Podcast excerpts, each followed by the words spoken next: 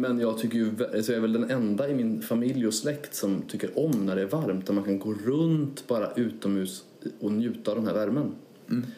Men det är svårt då om sällskapet inte njuter, då får man göra något annat. Så jag har också varit inne en del. I olika kalla källare har jag suttit. Källarhålor.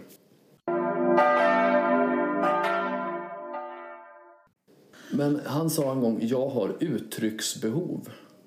Och då tänkte jag på det, ja, det har jag nog själv också. Och jag känner ett gäng människor som har det.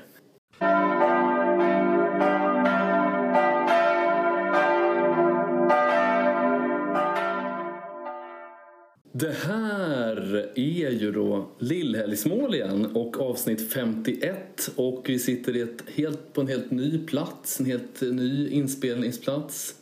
Linus Forsbergs nya kök. Ja, precis. Fortfarande i Uppsala, fortfarande någorlunda i samma del av Uppsala. Men som du säger, ett nytt kök. För att, eh, strax efter att vi senast hördes så flyttade jag och det var inte någon form av Protest. Kris, eh, precis, ingen protest, ingen kris över att så vad ska jag göra nu när jag inte pratar i Lillhällsmål utan det var planerat. Ja.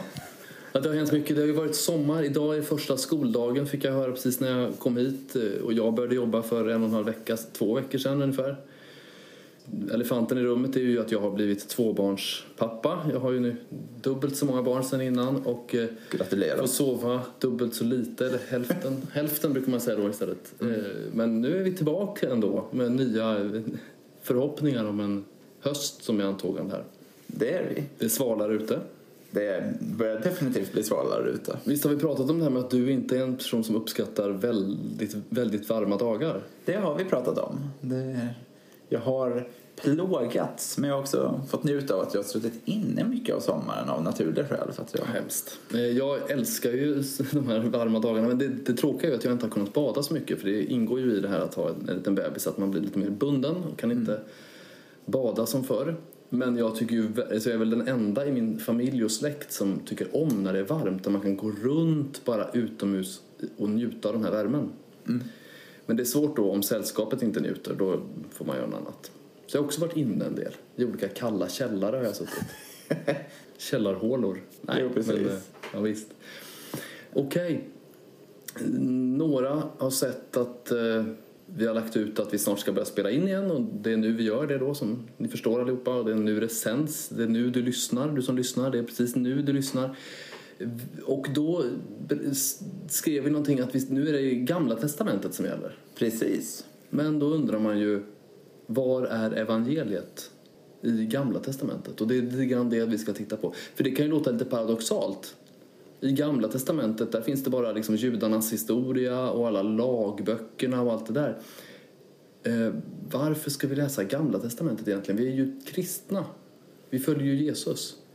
Ja, men svaret är väl att, eh, att Jesus finns även i Gamla Testamentet. Gamla Testamentet leder mot Jesus. Sen kan man ju tolka Gamla Testamentet på tre olika sätt om man ska hårdra det. Antingen så tolkar man så som du var inne på att ja, men det här är i grund och botten bortkopplat från, från den kristna tron, från Nya Testamentet, från Jesus. Man kan i princip liksom klippa bort det från Bibeln. Ja, men precis. Och det finns ju vissa som har velat det genom, genom århundradena. Finns nog kanske även idag. Ja, jo, absolut. Sen så finns det ju den totalt andra sidan. Där, jag vet inte om, om du står där så det får vi ta reda på. Vi får se. Ja, och det är de som menar att 100% av Gamla Testamentet enbart i, i budskapsmässigt handlar om Jesus. Och sen finns det mellanting som vill kombinera de här två. Att det, det fanns ett budskap i den tiden men det finns också Jesus finns också med i det budskapet. Men man kan så att säga peka på två stycken och två håll. Ja, jag tänker så här att det, man kan nog hävda både mittenpositionen och den här eh, och någon av de här andra eh, som sin. Alltså man kan luta lite mer åt det ena eller andra hållet tänker jag. Och jag tillhör ju de som tar Jesus på orden när han säger att det står om honom överallt i skrifterna. Eh, Och då menar han Gamla Testamentet när han säger det. Så jag tror att när vi läser Gamla Testamentet som kristna då ska våra glasögon vara inriktade på att leta efter Jesus. Såklart kan vi läsa Gamla Testamentet av andra skäl. Vi kan läsa det som historiker eller som nyfikna på judendomen eller som många andra saker. Och, och det är klart, då hittar man andra saker. Men om man, ibland kan det vara jakten på Jesus. Och det är kanske också det som den här säsongen då ska handla om lite grann. Att vi hittar Jesus i Gamla Testamentet. Exakt. Jag tänker vi kanske ska beröra också, för det står ju och du sa ju att det här är avsnitt 51. Ja, Och eh, vårt senaste avsnitt var avsnitt 49. hur hänger det här ihop? Jo, precis. Vi utlovade ju att avsnitt 50 kommer vara något eh, spektakulärt, något lite alldeles extra. Och vi eh, gillar att hålla våra löften. Ja, verkligen. Däremot så har vi, där vi är idag just nu, inte kunnat eh, genomföra det spektakulära ännu. Men det gör inte att vi vill förkasta löftet, utan det gör att vi temporärt jobbar vidare i uppräkningen och så får avsnitt 50 komma som en överraskning när tiden är mogen. När tiden är inne, verkligen. Och, eh, men det här är då avsnitt 51 och det får ni acceptera bara. Eh, försöka hålla två tankar i huvudet samtidigt där. Och ja, det har ju varit sommar, vilket vi har ber- berört. Hösten drar igång. Det är mycket som ska hända. Vad gör du i höst, Linus? Ja, men då blir det framförallt studier. Kommer eh, dels läsa en kurs om 1900-talets teologi. Hur, hur eh, katolska kyrkan och eh, lutherska kyrkan då blir, ja, både internationellt och i Sverige, utvecklas med likheter och skillnader. Spännande. Ja, men den kanske ser jag fram emot. Ska jag läsa lite mer om EFS.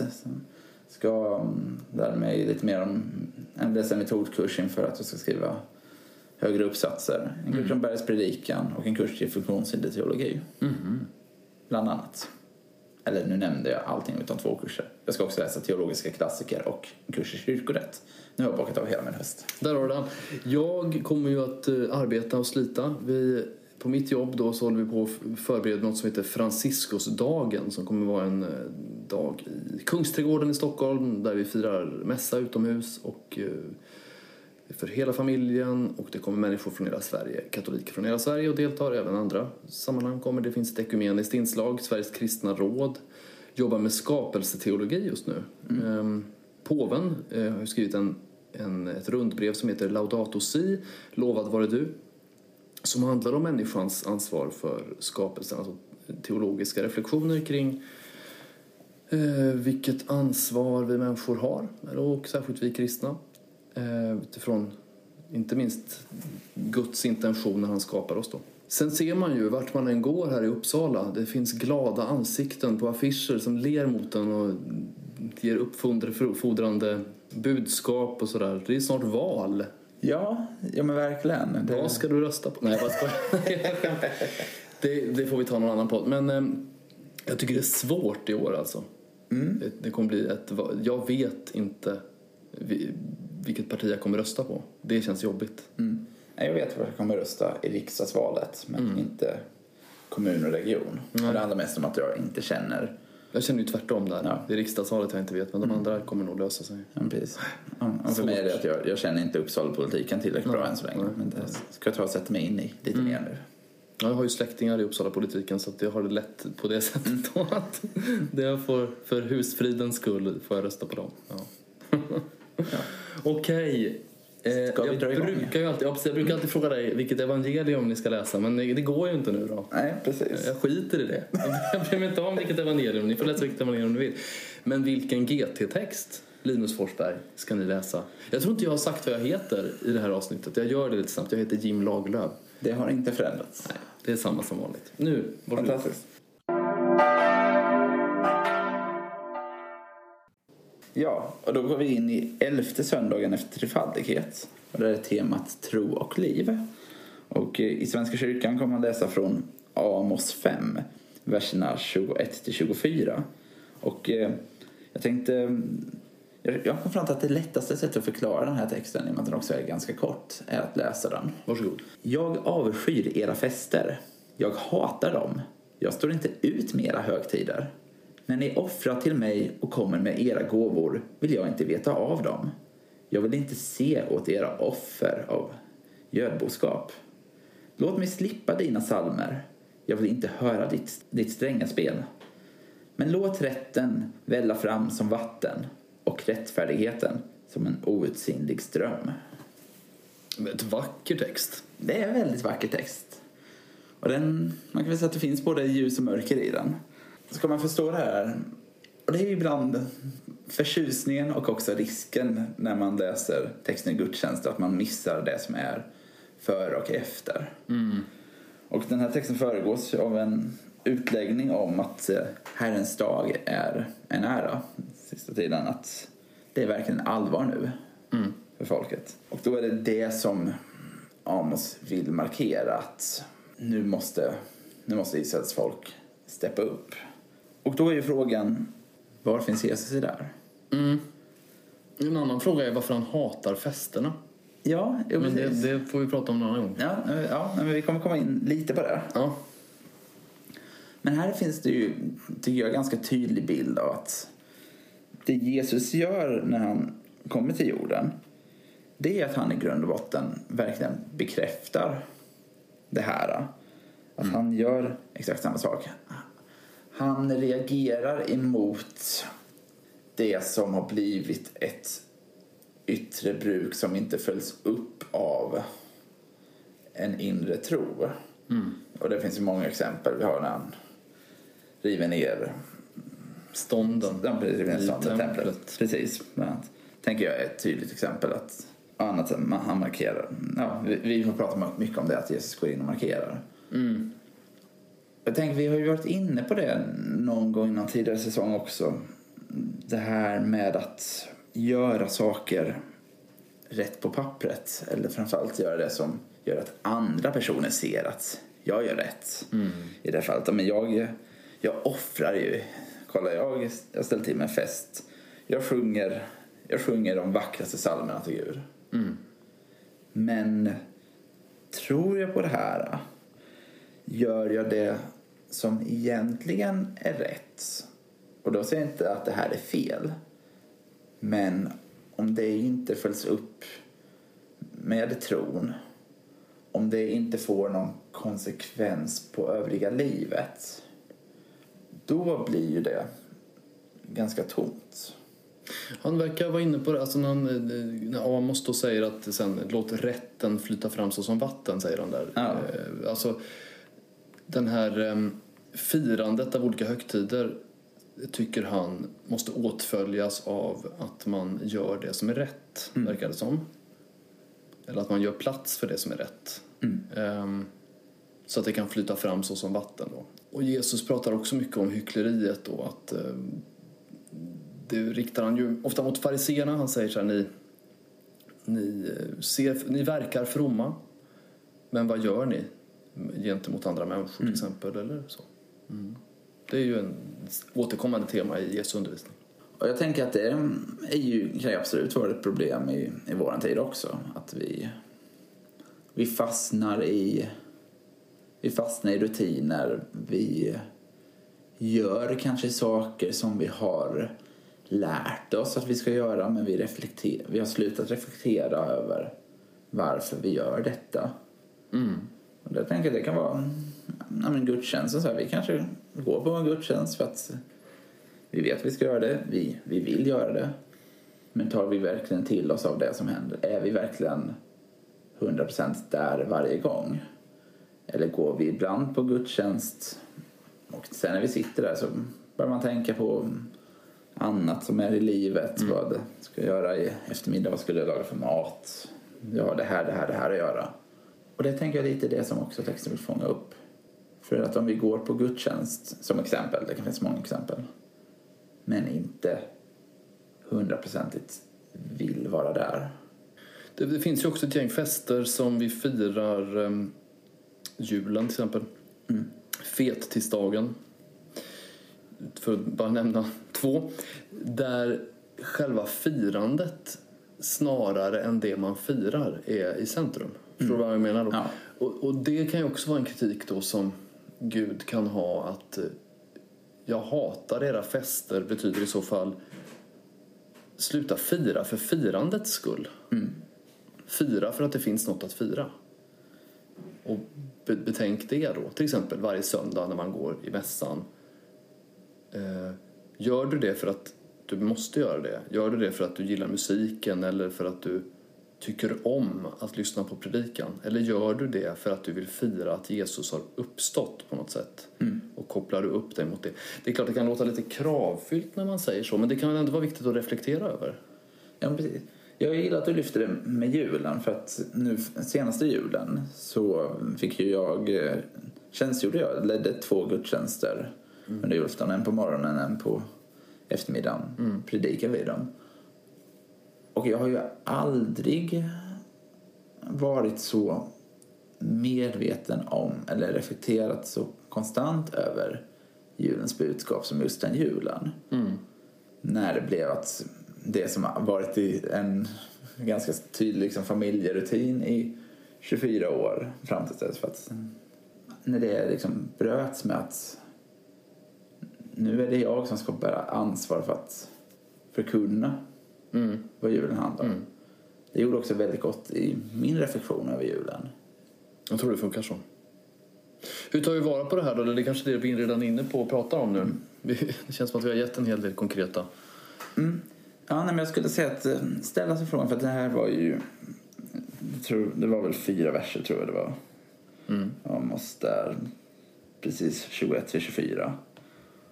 Jag skulle säga att ställa sig frågan, får jag med den sista versen i mitt liv? Får jag med rätten och rättfärdigheten? För jag tror att många, framförallt många som lyssnar på den här podden, får med de första verserna. Förhoppningsvis faller också med sista versen. Det är jät- jättebra. Man får verkligen fundera på det. Och eh, vi var inne på det, att, eller jag nämnde det att underrubriken för den här söndagen i Svenska kyrkan är tro och liv. Och att just komma ihåg att de här hör samman. Okej, men då så. Då går, vi vidare till eh, Syraks vishets bok.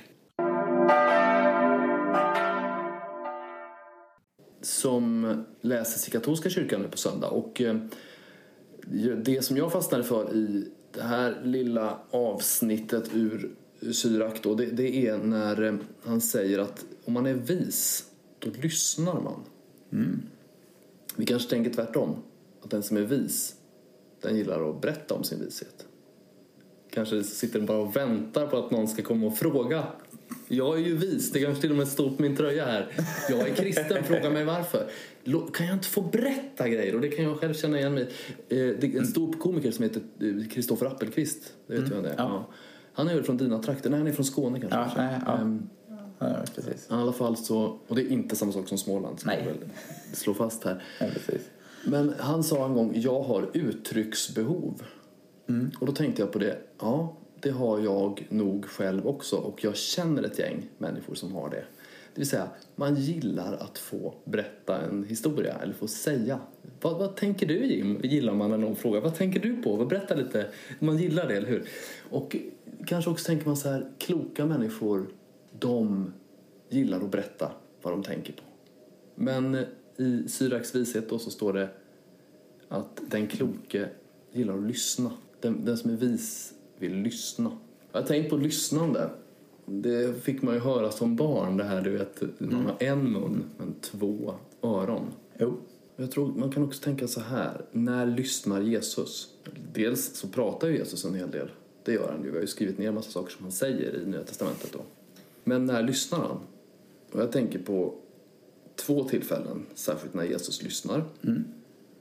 Dels så lyssnar han, han ställer ju frågor till människor ibland för att höra deras svar. Det är inte något att hoppa förbi eller gå, gå förbi det här att Jesus, Guds son, Gud, han som har skapat hela världen, han vill lyssna på människorna. Sen finns det verkligen människor som tar fasta på det och verkligen vill prata och prata och prata och prata och prata va? Absolut. Tack Gud för att du lyssnar. Ja, det gör han ju. Han bara lyssnar och lyssnar och lyssnar på oss ibland så. Det andra tillfället när Jesus lyssnar tänker jag, det är ju när han ber. Eh, och jag tror att det är att lämna plats i sin bön för lyssnande. Gör du det Linus? Jag skulle säga att en av mina, eller jag har en morgonbön som egentligen går ut på att jag ber om att jag ska få bli mer medveten om vad Gud vill att jag ska göra under dagen. Ja. På det sättet skulle jag säga att jag ber om att höra Guds ord i mitt liv. Mm. Sen, sen är jag dålig i andra sammanhang. Jag ska inte, För jag kan säga att jag jag ska inte sätta mig för någon. Jag har verkligen...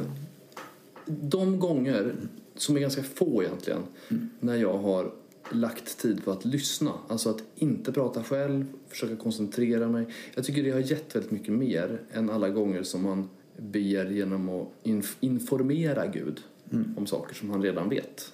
Så är det ju med honom, man vet redan. Jo, Men han lyssnar ändå. Han gör ju det, det är så helt fantastiskt. Fast han vet allt om mig vill han ändå höra min röst. Även om han kanske ibland känner så här. Okej, nu, nu är det räcker det. Nu får du lyssna lite grann på mig istället. En kompis till mig som skrev på Facebook. Läs Bibeln tills du somnar. Ja, jag såg Ja, också du såg det. Ja. För då, då ger du liksom inte djävulen något tillfälle. Eh, jag tyckte det var snyggt ändå, snyggt formulerat. Alltså liksom, ta en stund. Man, man kan lyssna på Gud på olika sätt, men ett sätt är ju att läsa Bibeln såklart. Men, men jag uppskattar ju den här att bara, bara vara inför till exempel en bild av eh, Jesus eller av Jungfru Maria med Jesusbarnet eller bara att vara inför korset, en bild av korset. Det ger mig mycket när jag väl tar vara på det och är i tystnad, där jag tystnar. Det finns väl någonstans där det står var stilla och vet att jag är Gud, att jag är Herren. Ehm, om det är i Saltaren, nej det är någon annanstans, nu kommer jag inte ihåg det. Det hade varit snyggt om jag visste det. Wow. Men eh, tyvärr. ja. Men eh, så lyssnande tror jag mycket på. Och det är som du säger, man kan göra det på massa sätt. Vara stilla inför en bild, läsa Bibeln. Jag brukar ofta inför prövningar lyssna på några av mina favoritsalmer. För att just påminna mig om att nu går jag in i den här prövningen. Men jag går inte in i den ensam. Peppa, peppa sig lite grann på något sätt. Eller liksom styrka sig själv med precis, Även om jag kan lyssna på något som ger. Ja, precis. Ja, även om jag kan varje ord i dem, jag skulle kunna tänka på dem själv och sjunga dem själv så för mig blir det också starkt att höra de orden. Det finns ju de här berättelserna om människor som, som det är väl Elia som hör Gud i den stilla susningen. Det säger också någonting, om man ska kunna höra en stilla susning då måste man själv vara tyst ibland. Japp. Och med de pretentiösa orden då som eh, bjuder till eh, helgsmål så får vi säga tack för den här eh, pratstunden. Eh, jättekul att få, få vara igång igen. Det tycker jag också. Kul att vara tillbaka i, eller tillbaka är konstigt att säga, men att vara i ditt kök igen, även om det är ett helt annat kök. Eh, ett runt bord sitter vi vid nu. Jo, precis. Vi Finns det någon symbolik i det, tror kanske. Jag vet inte. ja, i alla fall, tack för gästfrihet och vi hörs om en vecka. Det gör vi.